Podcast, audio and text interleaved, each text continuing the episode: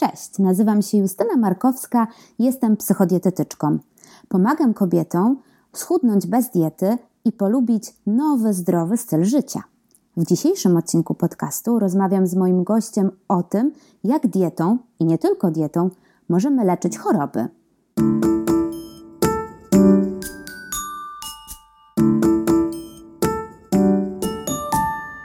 A moim gościem dzisiaj jest e, osoba, która jest moją koleżanką, ale też świetnym specjalistą. Magda Dorko-Wojciechowska, która jest e, twórczynią, założycielką Instytutu Medycyny Funkcjonalnej. Kobieta wielu talentów, e, naprawdę utalentowana specjalistka, jeżeli chodzi o odżywianie. Magda jest dla mnie nie tylko koleżanką, ale Chyba jakbym powiedziała, że mentorką, to wcale nie byłoby to takie za duże słowo, ponieważ ja bardzo często od Magdy mm, czerpię. Dużo się od niej dowiaduję, dużo się od niej uczę. Często konsultuję też z nią przypadki swoich klientek. Jeżeli chorują na jakieś takie choroby dietozależne, e, to często właśnie dzwonię do Magdy i pytam się, co robić co zlecać. Sama zresztą szkoliłam się u niej na jednym ze szkoleń dotyczącym e, Hashimoto i myślę, że pewnie w przyszłym roku e, też jeszcze nie raz e, do Magdy na szkolenie zawitam, bo ma bardzo wyjątkowe podejście do leczenia chorób. Magda mm, z jednej strony sama choruje, ale świetnie potrafi przekazywać swoją wiedzę i to, że sama zachorowała, sprawiła, sprawiło, że zaczęła pogłębiać różne tematy, takie może nie stricte związane z medycyną akademicką, ale takie, które rzeczywiście pozwalają wyzdrowieć. Jej podejście do odżywiania, do aktywności fizycznej, czy generalnie prowadzenia zdrowego stylu życia jest dość e, nietypowe, chyba to, chyba to jest dobre słowo, dlatego że w dzisiejszych czasach lubimy mieć e, sztywne reguły. Magda w ten sposób nie pracuje zupełnie inaczej podchodzi do procesu zdrowienia, co będziecie mieli okazję, co będziecie miały okazję wysłuchać e, w, tej, w trakcie tej rozmowy. Na koniec ja oczywiście wtrącę swoje trzy grosze w ramach podsumowania, takich kilka kwestii do przemyślenia, które przyszły mi do głowy po rozmowie z Magdą. E, a teraz myślę, że już nie będę przedłużać i zapraszam Was na ten bardzo wartościowy, bardzo ciekawy odcinek. Miłego słuchania.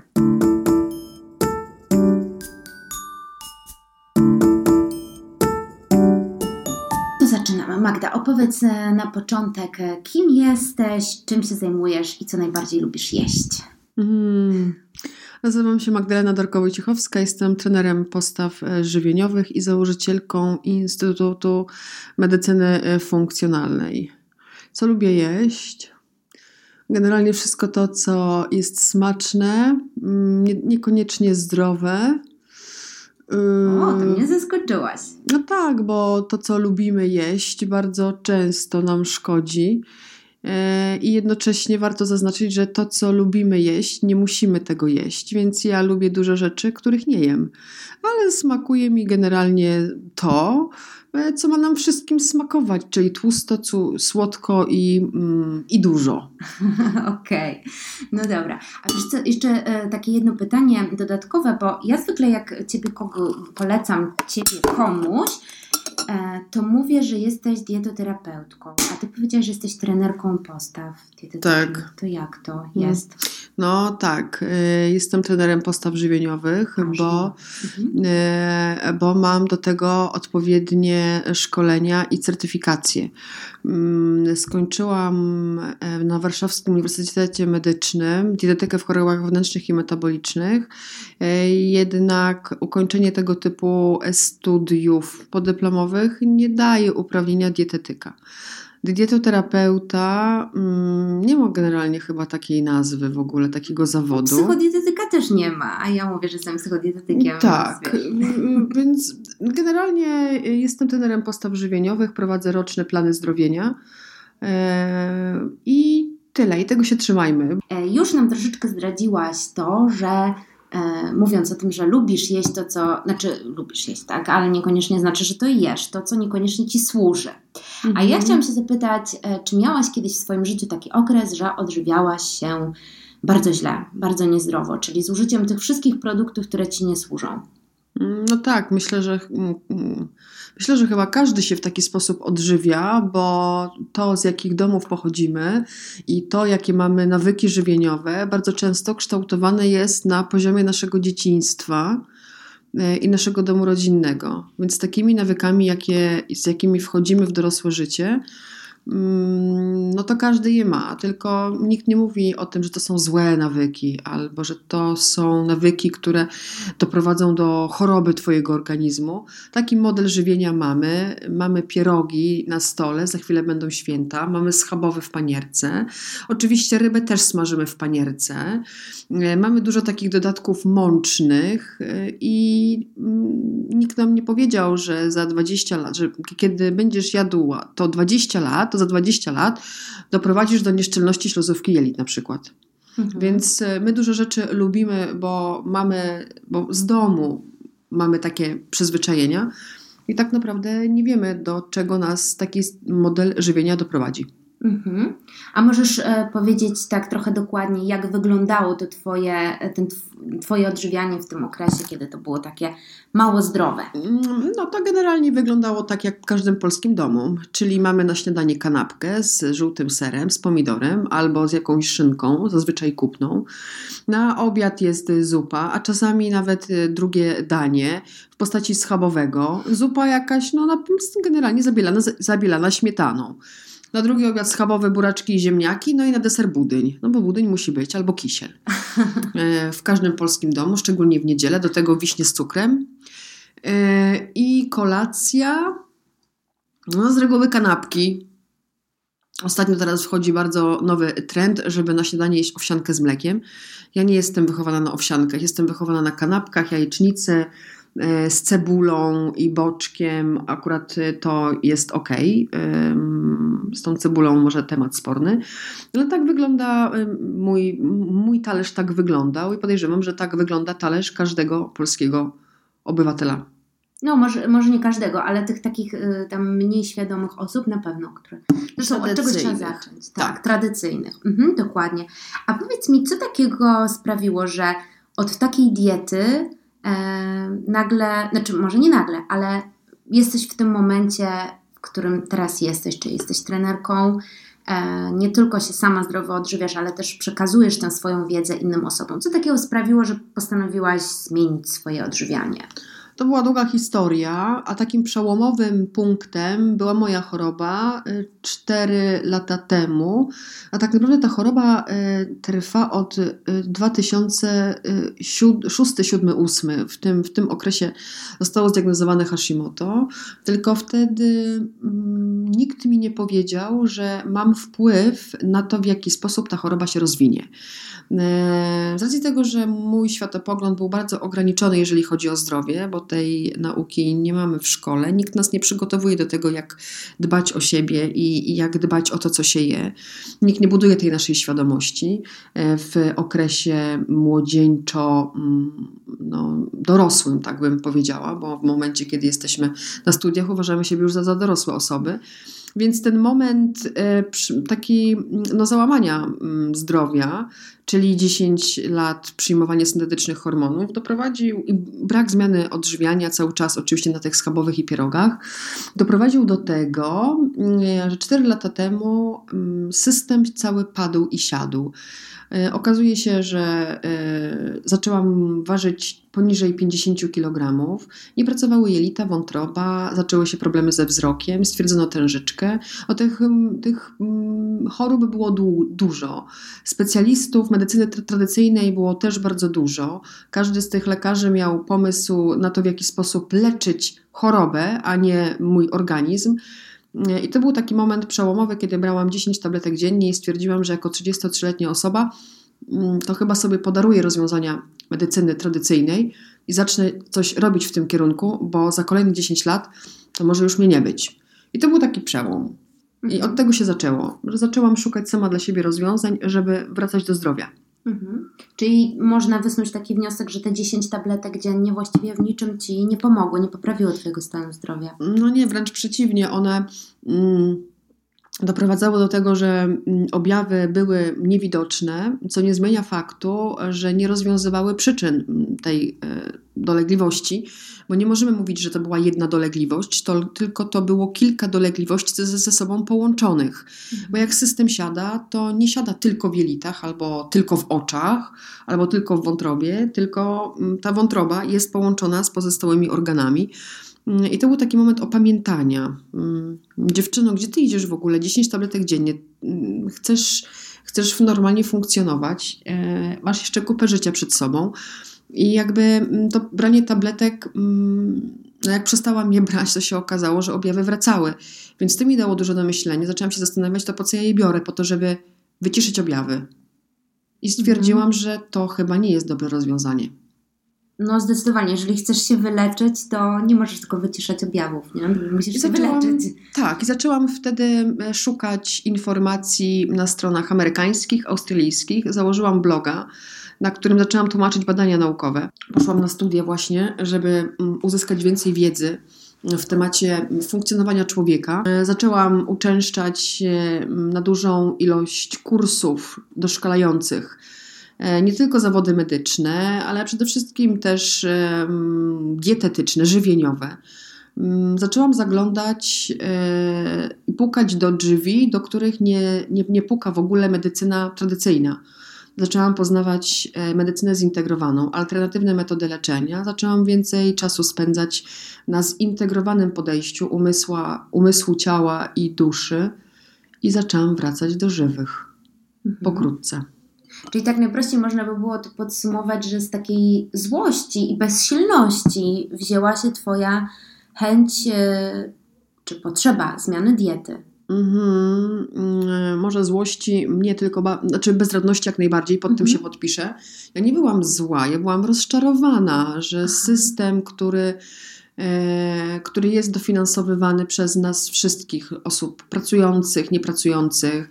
E, system, który ma rozwiązywać e, ludzkie problemy, został stworzony po to, żeby pomagać ludziom, on tak naprawdę mm, ma bardzo ograniczone możliwości. Nie mówię, że jest niepotrzebny, bo ratuje mnóstwo ludzkich żyć, natomiast jest mocno ograniczony. Dzisiaj wiem, że jeżeli myślimy poważnie o tym, żeby zacząć wracać do zdrowia, czy mówimy o spadku masy ciała, czy o uregulowaniu gospodarki cukrowej, czy mówimy o łaknieniu na słodycze, czy o wyleczeniu się z poważnej, przewlekłej choroby, mm, zawsze ta praca musi iść na poziomie umysłu, ciała i duszy, e, bo leki działają tylko na materię, na ciało. Mhm. A co działa na duszę? A co działa no, na duszę, działa ksiądz, tak byśmy mogli powiedzieć, a na, a na, a na energię działa e, psycholog.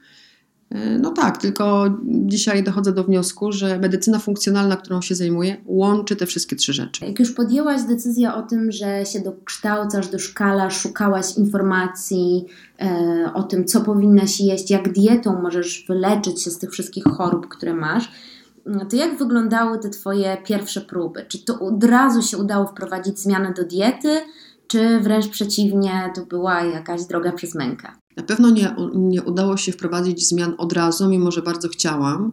Oczywiście część rzeczy się udało, czyli na przykład udało się włączenie od razu dobrych łączeń pokarmów. To się udało od razu. Że mięso, że mięso łączymy z warzywami, ale nie ziemniakami, bo ziemniaki to skrobia. Ziemniaki łączymy z warzywami. Mm, to się udało. Mm, to, żeby jeść kiszonki osobno, to też się udało jako przekąskę, żeby pomidory jeść osobno jako przekąskę, to też się udało. Ale nie udało się od razu jedzenie chleba, zrezygnowanie z jedzenia chleba, bo na to potrzebowałam mm, trzech lat, żeby wyrzucić ze swojego umysłu w ogóle istnienie chleba. No żartujesz. Mm, o to bym tak, cię nie podejrzewała. Tak. Y, I to były próby, były kroki do przodu i do tyłu. Mm, dzisiaj jestem wolna od chleba. Dzisiaj pieczywo nie ma dla mnie najmniejszego znaczenia i wartości. Natomiast to była praca nie, nie przez mękę. To, to była praca, która wymagała większej uwagi. Jest mhm. mnóstwo osób, które akurat z tym nie miałyby problemów, ale miałyby problem z zostawieniem cukru na przykład, no, albo z tak. zostawieniem mięsa, bo są bardzo mocno uzależnieni od, od mięsa e, bo można się uzależnić tak naprawdę od wszystkiego. E, natomiast u mnie no, przede wszystkim trzeba się przygotować na jedną podstawową rzecz, że ta praca idzie u podstaw, tak kolokwialnie to nazwę, natomiast silna wola nie działa tu w ogóle. A co masz na myśli mówiąc u podstaw? Od zmiany sposobu myślenia. Mhm. Żadna mm, od zmiany sposobu życia w ogóle. Żadna zmiana nie zostanie wprowadzona długoterminowo w momencie, kiedy jest budowana albo na silnej woli, albo na przekonaniu, że tak trzeba. Dieta nigdy się nie kończy. To styl życia. To świadomość tego, co jest dobre dla organizmu, a co nie jest dobre dla organizmu. Jak to jest to, co powiedziałam na początku. Tak, ja lubię pierogi i jednocześnie ich nie jem, bo one nie służą organizmowi.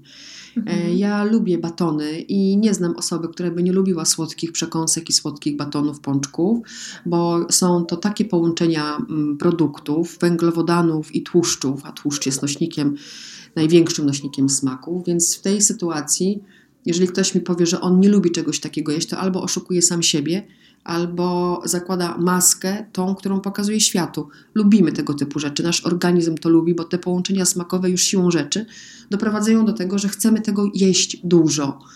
Albo nawet przynajmniej raz dziennie mhm. jest to uzależnienie pewnego stopnia. Więc jak sobie powiemy, nie, ja nie mogę tego jeść, Mm, a podświadomie mamy zakotwiczone to, że to jest smaczne, to to się nie uda na dłuższą metę. Dlatego, żeby wprowadzać jakiekolwiek zmiany, trzeba zacząć od podstaw, czyli od zmiany sposobu myślenia i o jedzeniu, i o życiu, i o organizmie swoim. I to są te korzenie. Hmm, to tutaj się z Tobą zgadzam w stu procentach że najpierw zmiana myślenia, a zatem idzie zwykle zmiana jedzenia. A powiedz mi, bo e, powiedziałaś, że to nie wyszło od razu. Jak myślisz, co zawiodło, czy inaczej, może co sprawiło, że właśnie ta zmiana od razu nie, nie, nie kliknęła? Mm, przede wszystkim brak planu działania, y, brak konkretnie wyznaczonego celu mm, i, y, y, i takie i taka fascynacja, wow, ale cudownie, to ja zaczynam od teraz, bez żadnego przygotowania. Mm, I to nie zadziałało, dlatego to podziałało kilka dni i potem jest powrót, bo albo brakuje pomysłów, albo właśnie nie ma planu. E, no, głównie nie zadziałało przygotowanie e, mhm. do tego, do tej zmiany. To jaką jedną radę byś dała sobie na tym, na początku, wtedy, kiedy podjęłaś dopiero decyzję o zmianie? Mm, przede wszystkim zaplanuj to. Jak robisz remont w domu, to nie robisz remontu, o dzisiaj sobie zrobię remont, pomoluję sobie ścianę, a potem idziesz do sklepu i patrzysz ile kosztują farby, potem się okazuje, że sama tego nie zrobisz, potrzebujesz fachowców i się robi za chwilę e, duży wydatek, wydatek finansowy. To trzeba zaplanować tak jak remont mieszkania, tak jak remont domu, wyprowadzkę do nowego miejsca, po prostu się na to przygotowujesz i finansowo i czasowo. I, i, i to, nie, nie takie... Y Mm, podmino, takie podminowanie, takie zafascynowanie. Wow, to ja teraz to zrobię, to od jutra wszystko zmieniam. Wyrzucam makaron, wyrzucam chleb i zaczynam jeść zdrowo. Dobra, a kiedy poczułaś, że ta zmiana to już tak nie jest zmiana na chwilę, tylko że to jest Twój styl życia i to zaczęło być takie no, bezwysiłkowe? Yy, to stało się po czterech miesiącach od wprowadzenia zmian takich restrykcyjnych. To bardzo szybko. Tak, bardzo szybko, bo mój organizm był w opłakanym stanie i po czterech miesiącach zobaczyłam pierwsze efekty, e, takie, które chciałam zobaczyć. E, poprawiło mi się zdrowie po czterech miesiącach. Nie były to spektakularne osiągnięcia, bo jelita leczą się bardzo długo. Mm, dwa, trzy lata potrafią, jeżeli nie, nie dbamy i nie przestrzegamy zasad. Natomiast e, poddałam się temu w 100% i po czterech miesiącach byłam usatysfakcjonowana z efektów i wiedziałam, że będę to kultywować, bo jeżeli mam takie spektakularne efekty po czterech miesiącach, co zresztą przekłada się też na wyniki badań, bo w każdym etapie i przy każdym eksperymencie wykonywałam wyniki badań po to, żeby zobaczyć, czy rzeczywiście ta biochemia organizmu jest aż tak zależna od wielu czynników. I się okazało, że jest zależna bo wystarczyło wprowadzić gluten do diety i w ciągu miesiąca już pokazały to wyniki badań, mm, gdzie endokrynolog mówi, to nie jest możliwe, że tak hormony skaczą i tylko pani chlebka się najadła. No tak, jest to, jest to możliwe. Mm, więc 4 miesiące. Natomiast są osoby, które, które po roku wprowadzania zaleceń nie mają takich spektakularnych efektów. Więc to jest bardzo indywidualna sprawa. Ja potrzebowałam czterech miesięcy na to, żeby zdecydować, że tak, to jest taki model żywienia, to jest taki model życia, który na pewno zrobi mi lepiej niż e, farmakologia. No to opowiedz teraz w takim razie, jak wygląda ten Twój e, model odżywiania. Przede wszystkim na śniadanie, śniadanie jest ciepłe. Więc jak sobie wejdziecie na fanpage Instytutu Medycyny Funkcjonalnej, podlinkujemy. Tak, to bardzo proszę. Tam e, co tydzień i co miesiąc przygotowujemy zdrowe nawyki. I wszystko to, o czym teraz powiem, tam znajdziecie. Czyli na przykład śniadanie ciepłe, mm, na przykład zupa krem, e, obiad w połączeniu, odpowiednie połączenie e, mięso i warzywa. Dzisiaj jadłam pieczonego kurczaka z brukselką na parze. Mm, I do tego kolacja maksymalnie o godzinie 19 z uwagi na pracę nadnerczy. Kolacja też ciepła. Mm, I po kolacji bardzo często idzie rozgrzewający, teraz w okresie zimowym szczególnie, rozgrzewający sok z, z świeżo wyciśnięty z imbiru kurkumy i miąższ z aloesu. I to jest wszystko, co ja jem w ciągu dnia. A co na tą kolację? Bo chyba tak. Ciepła, czyli też może być zupa. Aha. Może być zupa, ale bardzo często są to e, ziemniaki, e, ba, bataty i do tego so, jakaś surówka, sałatka warzywna. Mogą być na przykład buraczki e, duszone na maśle. Chodzi o to, żeby kolacja była ciepła. Ciepło bardzo mm, energetyzowuje organizm i nadnercza lubią ciepło, więc jeżeli ktoś ma problem z insuliną i kortyzolem, to kolacja ciepła. Śniadanie też ciepłe, mm, bo wtedy mamy więcej energii. I jem trzy posiłki dziennie, czasami zdarzają się dwa. Więc tak wygląda moje żywienie. Przekąski, mm, no trudno mi jest z przekąskami, bo jestem bardzo aktywną osobą, ale jak są, to zazwyczaj przekąską jest e, czysty rosół do picia. A powiedz mi, bo jakby dla mnie e, zdrowy styl życia to nie jest tylko dieta, no i dla Ciebie na pewno też, e, ale to jest też e, chociażby aktywność fizyczna, to jak dbamy o nasz umysł, jak się relaksujemy. E, możesz powiedzieć, jak u Ciebie wygląda sprawa z aktywnością fizyczną i z dbaniem o umysł? O umysł. Mhm. Tak. Aktywność fizyczna jak najbardziej. Mm. Ile ćwiczysz? Jak ćwiczysz? Dwa razy w tygodniu to jest takie minimum e, pole dance. E, do tego dorzucam bardzo często trzeci, e, trzeci trening, a jak nie dorzucę trzeciego treningu, to animal flow. Mhm. Wtedy minimum raz w tygodniu. Czyli co to jest? Mm, animal flow to są mm, zwierzęce ruchy na parterze. To jak sobie wejdziecie na YouTube'a, mhm. to są zwierzęce tak, to są zwierzęce komendy, zwierzęca aktywność. Animal flow, czyli połą mhm. grupa połączonych figur e, w tym właśnie flow. I to trzeba zobaczyć, no to trudno mi jest to opowiedzieć. Okay. Mhm. Mm, praca wszystkich mięśni, taka praca mm, dająca siłę. Więc aktywność jest, y, aktywność musi być i mm, jest to nieodzowny element naszego życia. My jako, no musimy spojrzeć też na ewolucję, że jakby my się nie urodziliśmy w kapuście, siedząc sobie wygodnie w fotelu i gapiąc się w telewizor. My się urodziliśmy i zaczynaliśmy od biegania po lesie. Mm, potem przyszedł ten taki osiadły mm, etap życia. Natomiast y, jesteśmy stworzeni do tego, żeby coś robić. Nasze ciało jest stworzone do tego, żeby robić. Jeżeli dzisiaj ktoś waży 100 kilo, to nie dlatego, że on tylko i wyłącznie źle je albo mm, nie patrzy na to, co je, ale też ten człowiek e, generalnie ma ograniczoną ilość ruchu. Więcej spożywa kalorii, więcej spożywa energii niż jest w stanie ją wydatkować. Jeżeli chodzi o umysł z kolei, to przede wszystkim mm, medytacja i filozofia filozofia mhm. ewolucji, filozofia w ogóle trans, transcendentna, czego, coś, czego nie możemy dotknąć. E, e, od odkrywanie siebie w innym wymiarze energetycznym, szukanie połączenia z tym, z tym wewnętrznym e, i z tą energią i kobiecą, i męską. Natomiast głównie jest to przeniesienie, przeniesienie się w inny wymiar poprzez medytację, uważność. Mindfulness jest bardzo ważne i też to łączę w, swojej, mm, w swoich rocznych planach, bo nam od, od mindfulnessu się zaczyna tak naprawdę. Jak poznasz jak poznasz swoją energię i to skąd pochodzisz i dlaczego akurat jesteś nadpobudliwa, albo na przykład jesteś ciągle smutna, i poznasz to, ten inny wymiar y, uduchowienia człowieka, siebie, to też proces leczenia w ogóle, czy proces zdrowienia, o może tak, proces zdrowienia y, jest szybszy i bardziej skuteczniejszy. Więc generalnie, mm, no, co kto lubi i na co ma czas. Ja polecam, ja polecam w ogóle oderwanie się od tej rzeczywistości i pędu. Czyli właśnie ta uważność, o której tak. powiedziałaś na koniec. Uważność, celebrowanie życia, celebrowanie, mm, doświadczanie wszystkiego, co cię otacza. E, wrażliwość na innych ludzi. Mm, bardzo ładnie to, no, mamą jesteś, więc wiesz, jak to się przekłada na, na bycie mamą e, i przebywanie z, ze swoim dzieckiem. Sama wiesz, że to jest po prostu w tobie zakorzenione.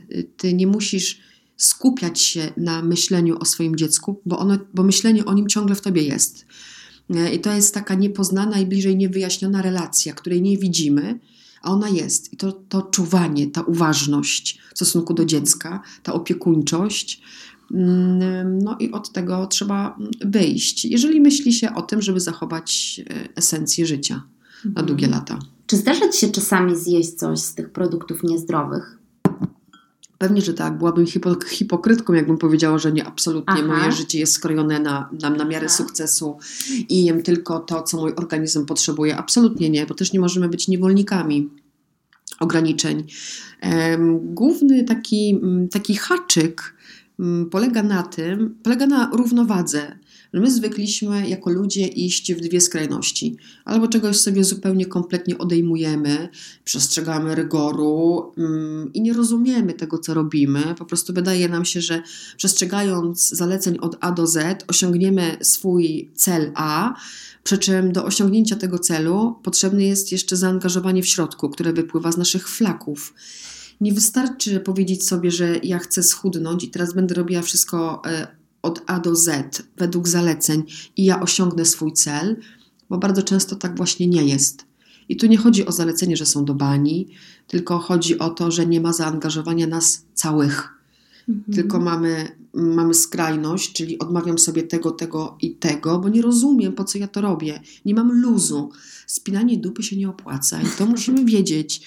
I to, jest, I to jest jedna skrajność. I druga skrajność to, co to y, już jak sobie, mm, już jak sobie pobłażymy, że tak to nazwę, i damy sobie, tak przymrużymy oko na zalecenia, to następnego dnia robimy to samo i następnego dnia robimy to samo i potem za chwilę znowu wchodzimy w to samo i się okazuje, że nawet nie wiedzieć czemu znowu jem znowu coś jem ciągle.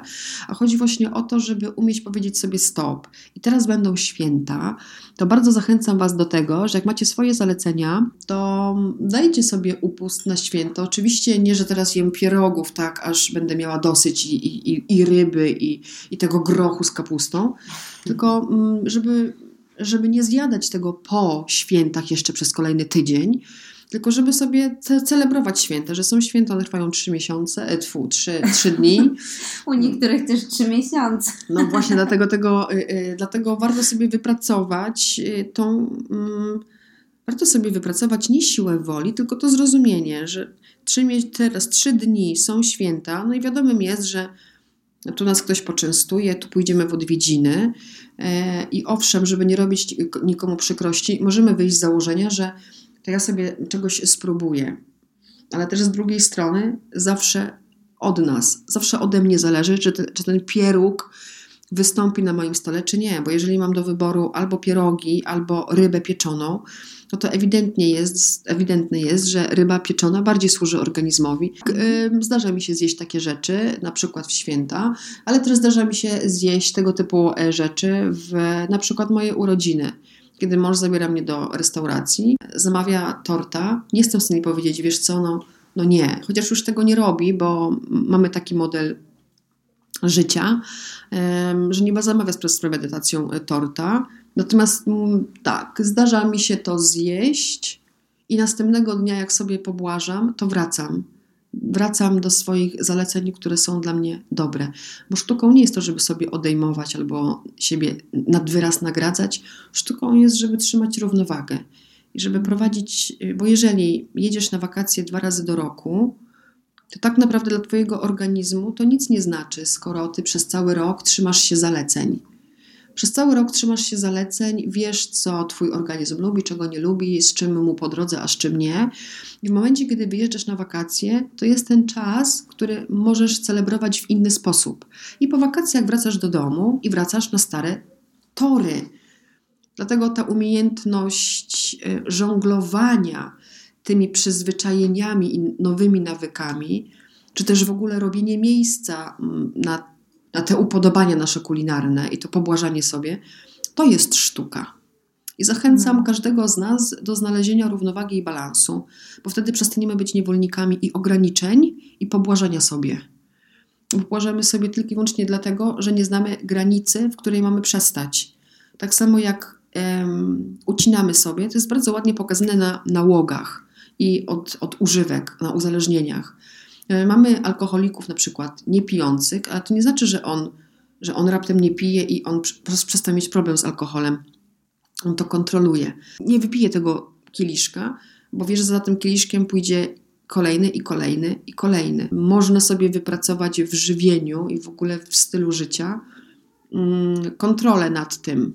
Bo, jak, bo to nie chodzi o to, żeby w ogóle odciąć sobie wszystko tylko znaleźć ten, tą granicę.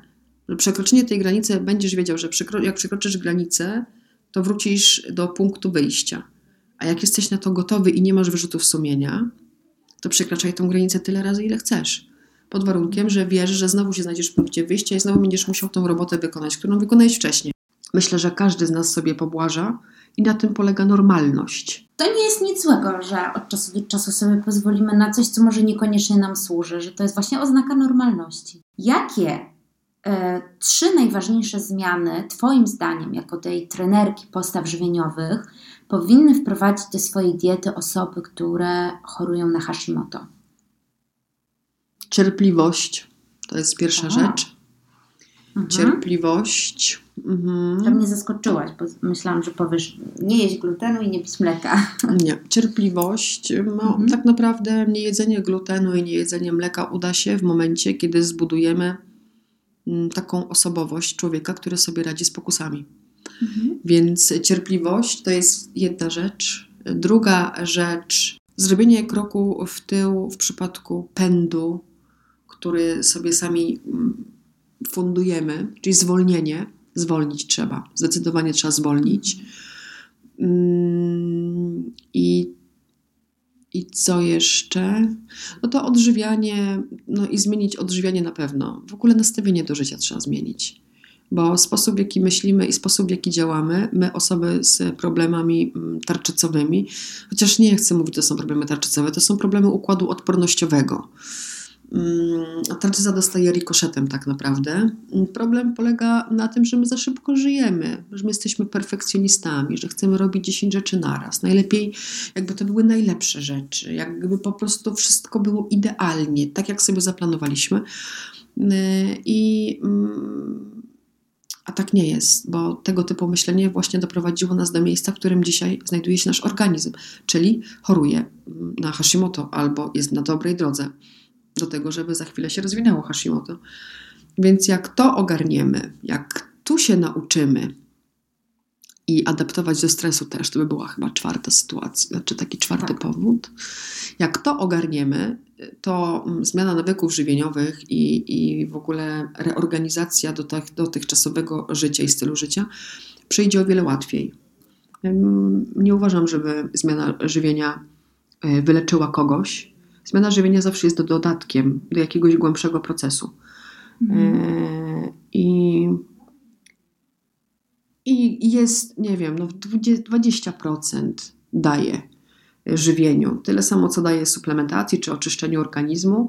Natomiast najwięcej procent ma zmiana mentalna. Mhm.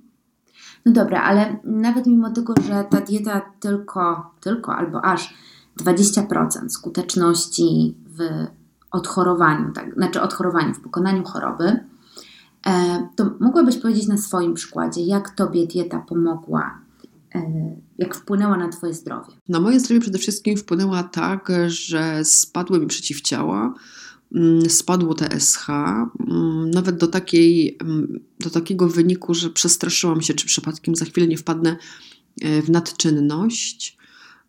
A pamiętasz, co to był za wynik? 0,59. E, tak, e, z 5,1. No to mamy, mamy duży spadek. A w przeciągu tych czterech miesięcy, o których mówiłaś? W przeciągu, to było w przeciągu niecałego tak, to było w przeciągu pół roku. Mhm. Bo były wyniki, mam wyniki ze stycznia, z kwietnia i z maja. Też spadek masy ciała. W moim przypadku to akurat nie było coś, co, co, co chciałam osiągnąć, mm, ale spadła masa ciała, bo też ograniczyłam duże ilości węglowodanów w diecie, mm, bo zaczęły się problemy z cukrem i insulinooporność. E, więc przede wszystkim e, ze strony jelit i układu pokarmowego. Było bardzo dużo zmian. Przestałam mieć wzdęty brzuch, e, zaczęłam się normalnie wypróżniać, przestałam się jakoś tak pocić, stresować tym, że coś zjem i będę się źle czuła. No ale jak wspomniałam wcześniej, ja nie byłam do tego kompletnie przygotowana, więc miałam problemy natury emocjonalnej, bo byłam wkurzona, że muszę sobie czegoś odmawiać. I to nastawienie psychiczne kompletnie nie pomogło w utrzymaniu długofalowych efektów. E, dopiero praca na, na przekonaniach i na, na nawykach pozwoliła mi osiągnąć to, co dzisiaj mam czyli pełny luz, swobodę w wyborze produktów. Ja nie mam rygorów, ja mam wiedzę i świadomość, więc ja nie tęsknię za chlebem. Ja nie mam takiego filmu w głowie, że ja sobie czegoś odmawiam, bo tak przeramowałam swoje myślenie, że dzisiaj wiem, że ja takimi wyborami, że nie chcę sera, e, nie, nie obchodzi mnie jogurt, nie mam ochoty na chleb powoduje, że mój organizm kwitnie i ja się czuję lepiej. Spadają, spada ilość przeciwciał, mm, zaczyna układ odpornościowy inaczej pracować, e, zmienia się tarczyca, był guz, i dzisiaj nie mam guza, mimo że z roku na rok on rósł.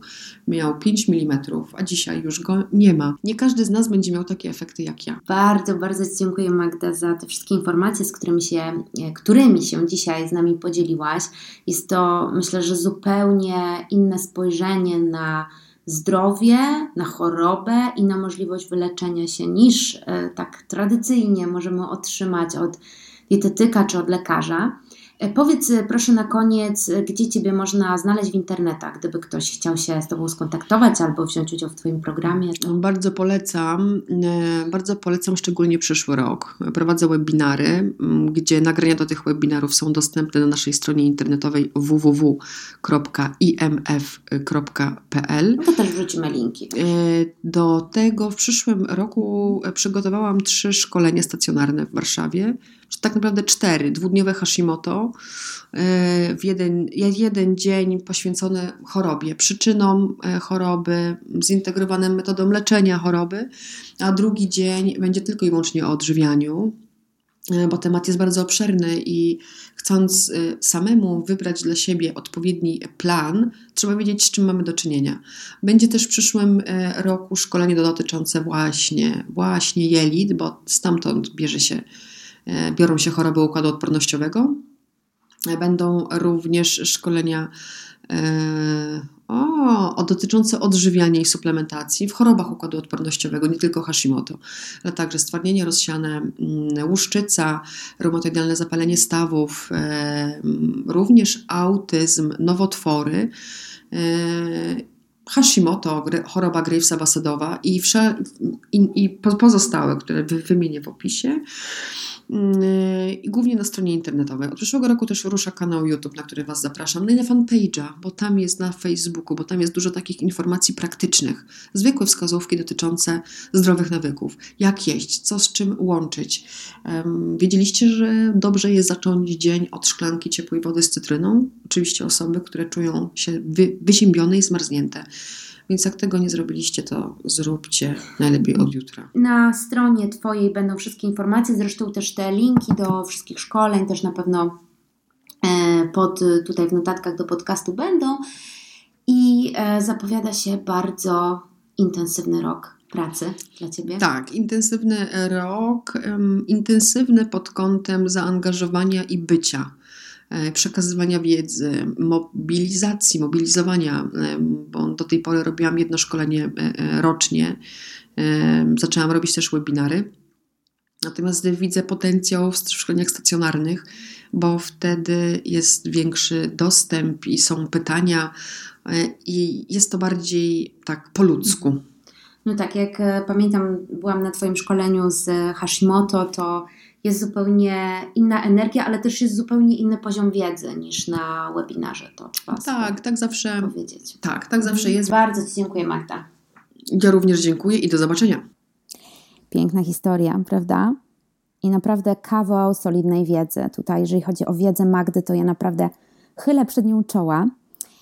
Wybrałam mm, z tego, co Magda powiedziała, takie fragmenty, które najbardziej ze mną zarezonowały i chciałabym Wam poddać je teraz do e, przemyślenia. Być może z Wami one też jakoś mocniej zarezonowały. Pierwsze, to o czym Magda mówiła na samym początku, to to, że nie musimy jeść tego, co lubimy. I użyła też takiego określenia, że często to, co lubimy, to po prostu nam szkodzi. I rzeczywiście tak trochę jest, że przecież lubimy słodycze, ale wiemy, że one nie mają żadnej wartości odżywczej i że wcale nie są dla nas dobre, zdrowe. Ja często powtarzam moim klientkom, z którymi pracuję właśnie nad zmianą nawyków żywieniowych, czy przechodzimy wspólnie przez odwyk od cukru, że naszym celem nigdy nie jest to, żebyśmy zaczęły nienawidzić słodycze albo po prostu przestały je lubić, tylko naszym celem jest to, żeby ten stosunek do nich zmienić. Czyli mieć tę świadomość, o której mówiła Magda, y, że to jest dla nas szkodliwe i że jeżeli chcemy sobie na to pozwolić, to tylko i wyłącznie od czasu do czasu, w jakichś szczególnych warunkach, ale wiemy też, że jeżeli sobie pozwolimy, to szybko wracamy na tę drogę, która jest dla nas dobra, bo mamy świadomość, że te wszystkie nowe zalecenia, które wprowadzamy, są e, dla nas lepsze niż jedzenie słodyczy. Tak więc y, może nie brzmi to w pierwszym takim odbiorze zbyt optymistycznie, że nie musimy jeść tego, co lubimy. Ja jednak wierzę, że zdrowe odżywianie też jest smaczne, też można je polubić, że są rzeczy, y, które nam smakują i które są dla nas dobre. I też o tym przecież jest ten podcast, y, o tym też bardzo często piszę na swoim blogu. Magda też poruszyła bardzo ważną kwestię związaną z tym, co wynosimy z naszego domu rodzinnego.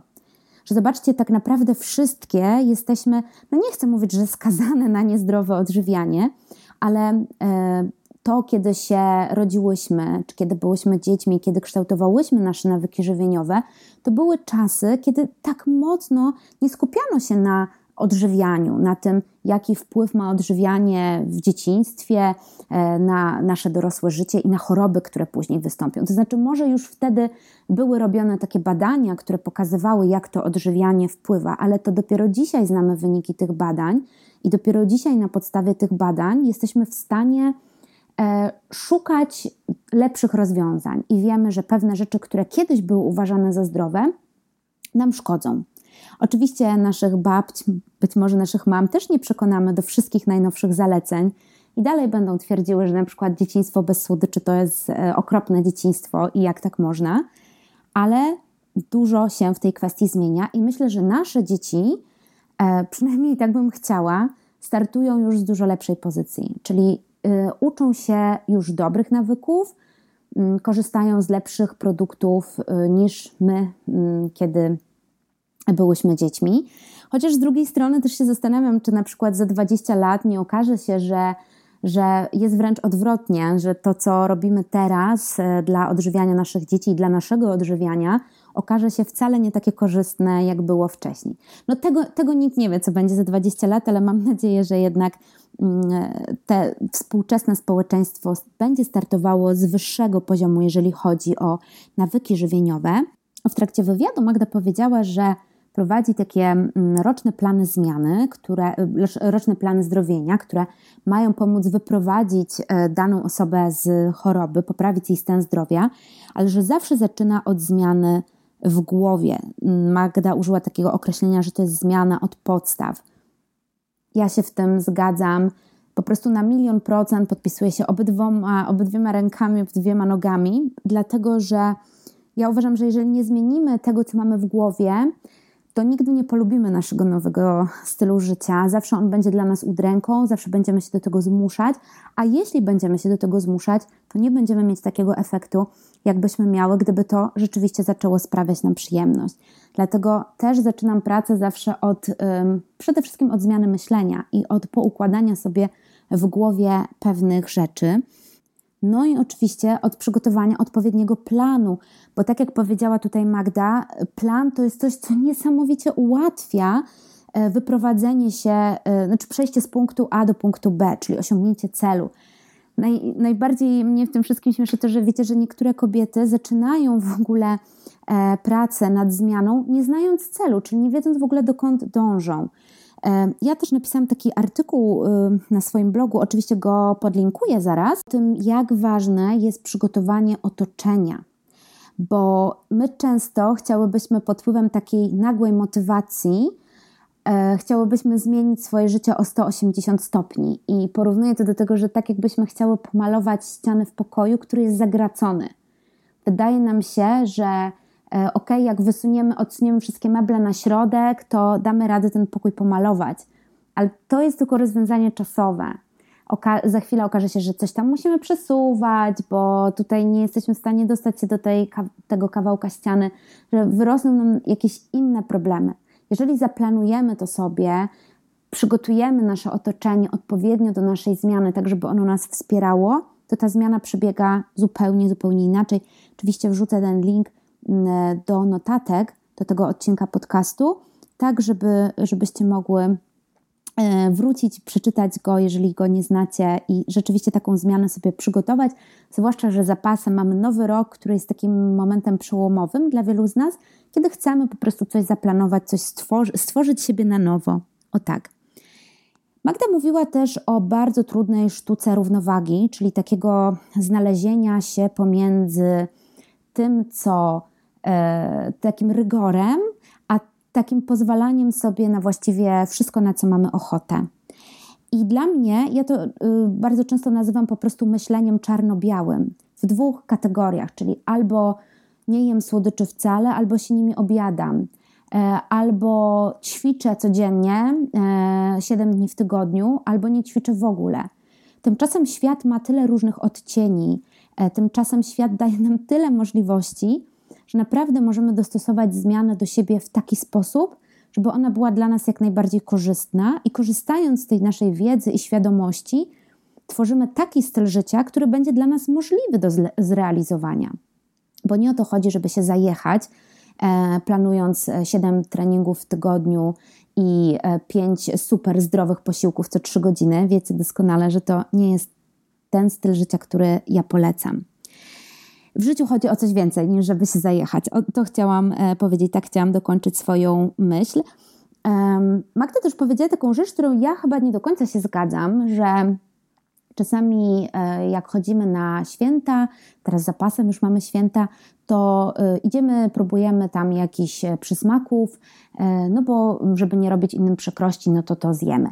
Ja uważam, że można odmówić w taki sposób, który nie sprawi przykrości. W związku z tym e, tego też uczę swoje klientki. Przyznam się, że tuż przed świętami to naprawdę chyba na każdej konsultacji e, poruszałyśmy ten temat, rozmawiałyśmy, jak odmawiać, żeby nie sprawiać innym przykrości.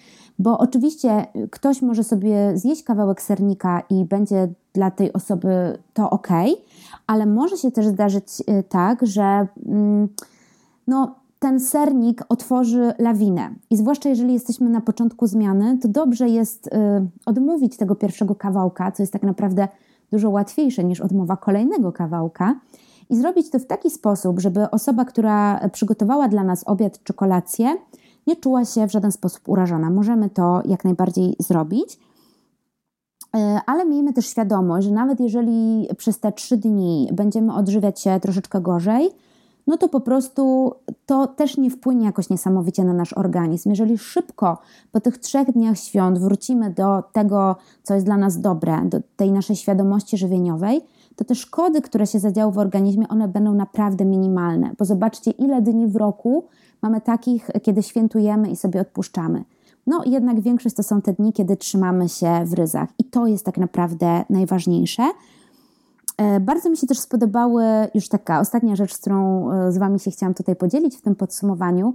Bardzo mi się podobały zalecenia, rady, które Magda dawała osobom chorującym na Hashimoto.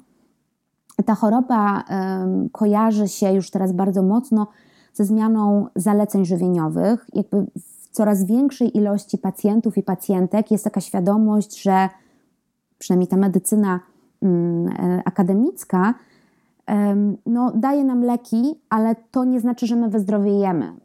Większość lekarzy twierdzi, że to jest choroba do końca życia i właściwie mm, nic z tym nie możemy zrobić, tylko tam te leki przyjmować, które nam objawy zagłuszą.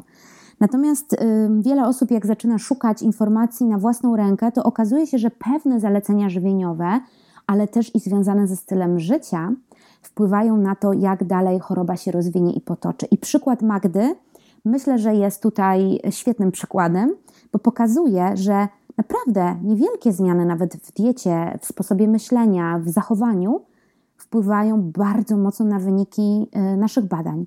Także te rady, które Magda dała osobom chorującym na Hashimoto, są wyjątkowe i są dużo ważniejsze niż takie, wiecie, zalecenia w stylu nie jedzcie glutenu, nie pijcie mleka. E, chodzi tutaj w tej chorobie tak naprawdę o to, żeby nie tylko zmienić swoje odżywianie, ale też zmienić swój styl życia. No i to właściwie takie chyba najważniejsze rzeczy, które sobie wynotowałam w trakcie rozmowy z Magdą, które gdzieś tam chwyciły mnie za serce i pomyślałam, że chciałabym się podzielić z Wami swoimi przemyśleniami. Mam na, natomiast e, na koniec tego odcinka podcastu dwie ważne informacje, w mojej ocenie ważne.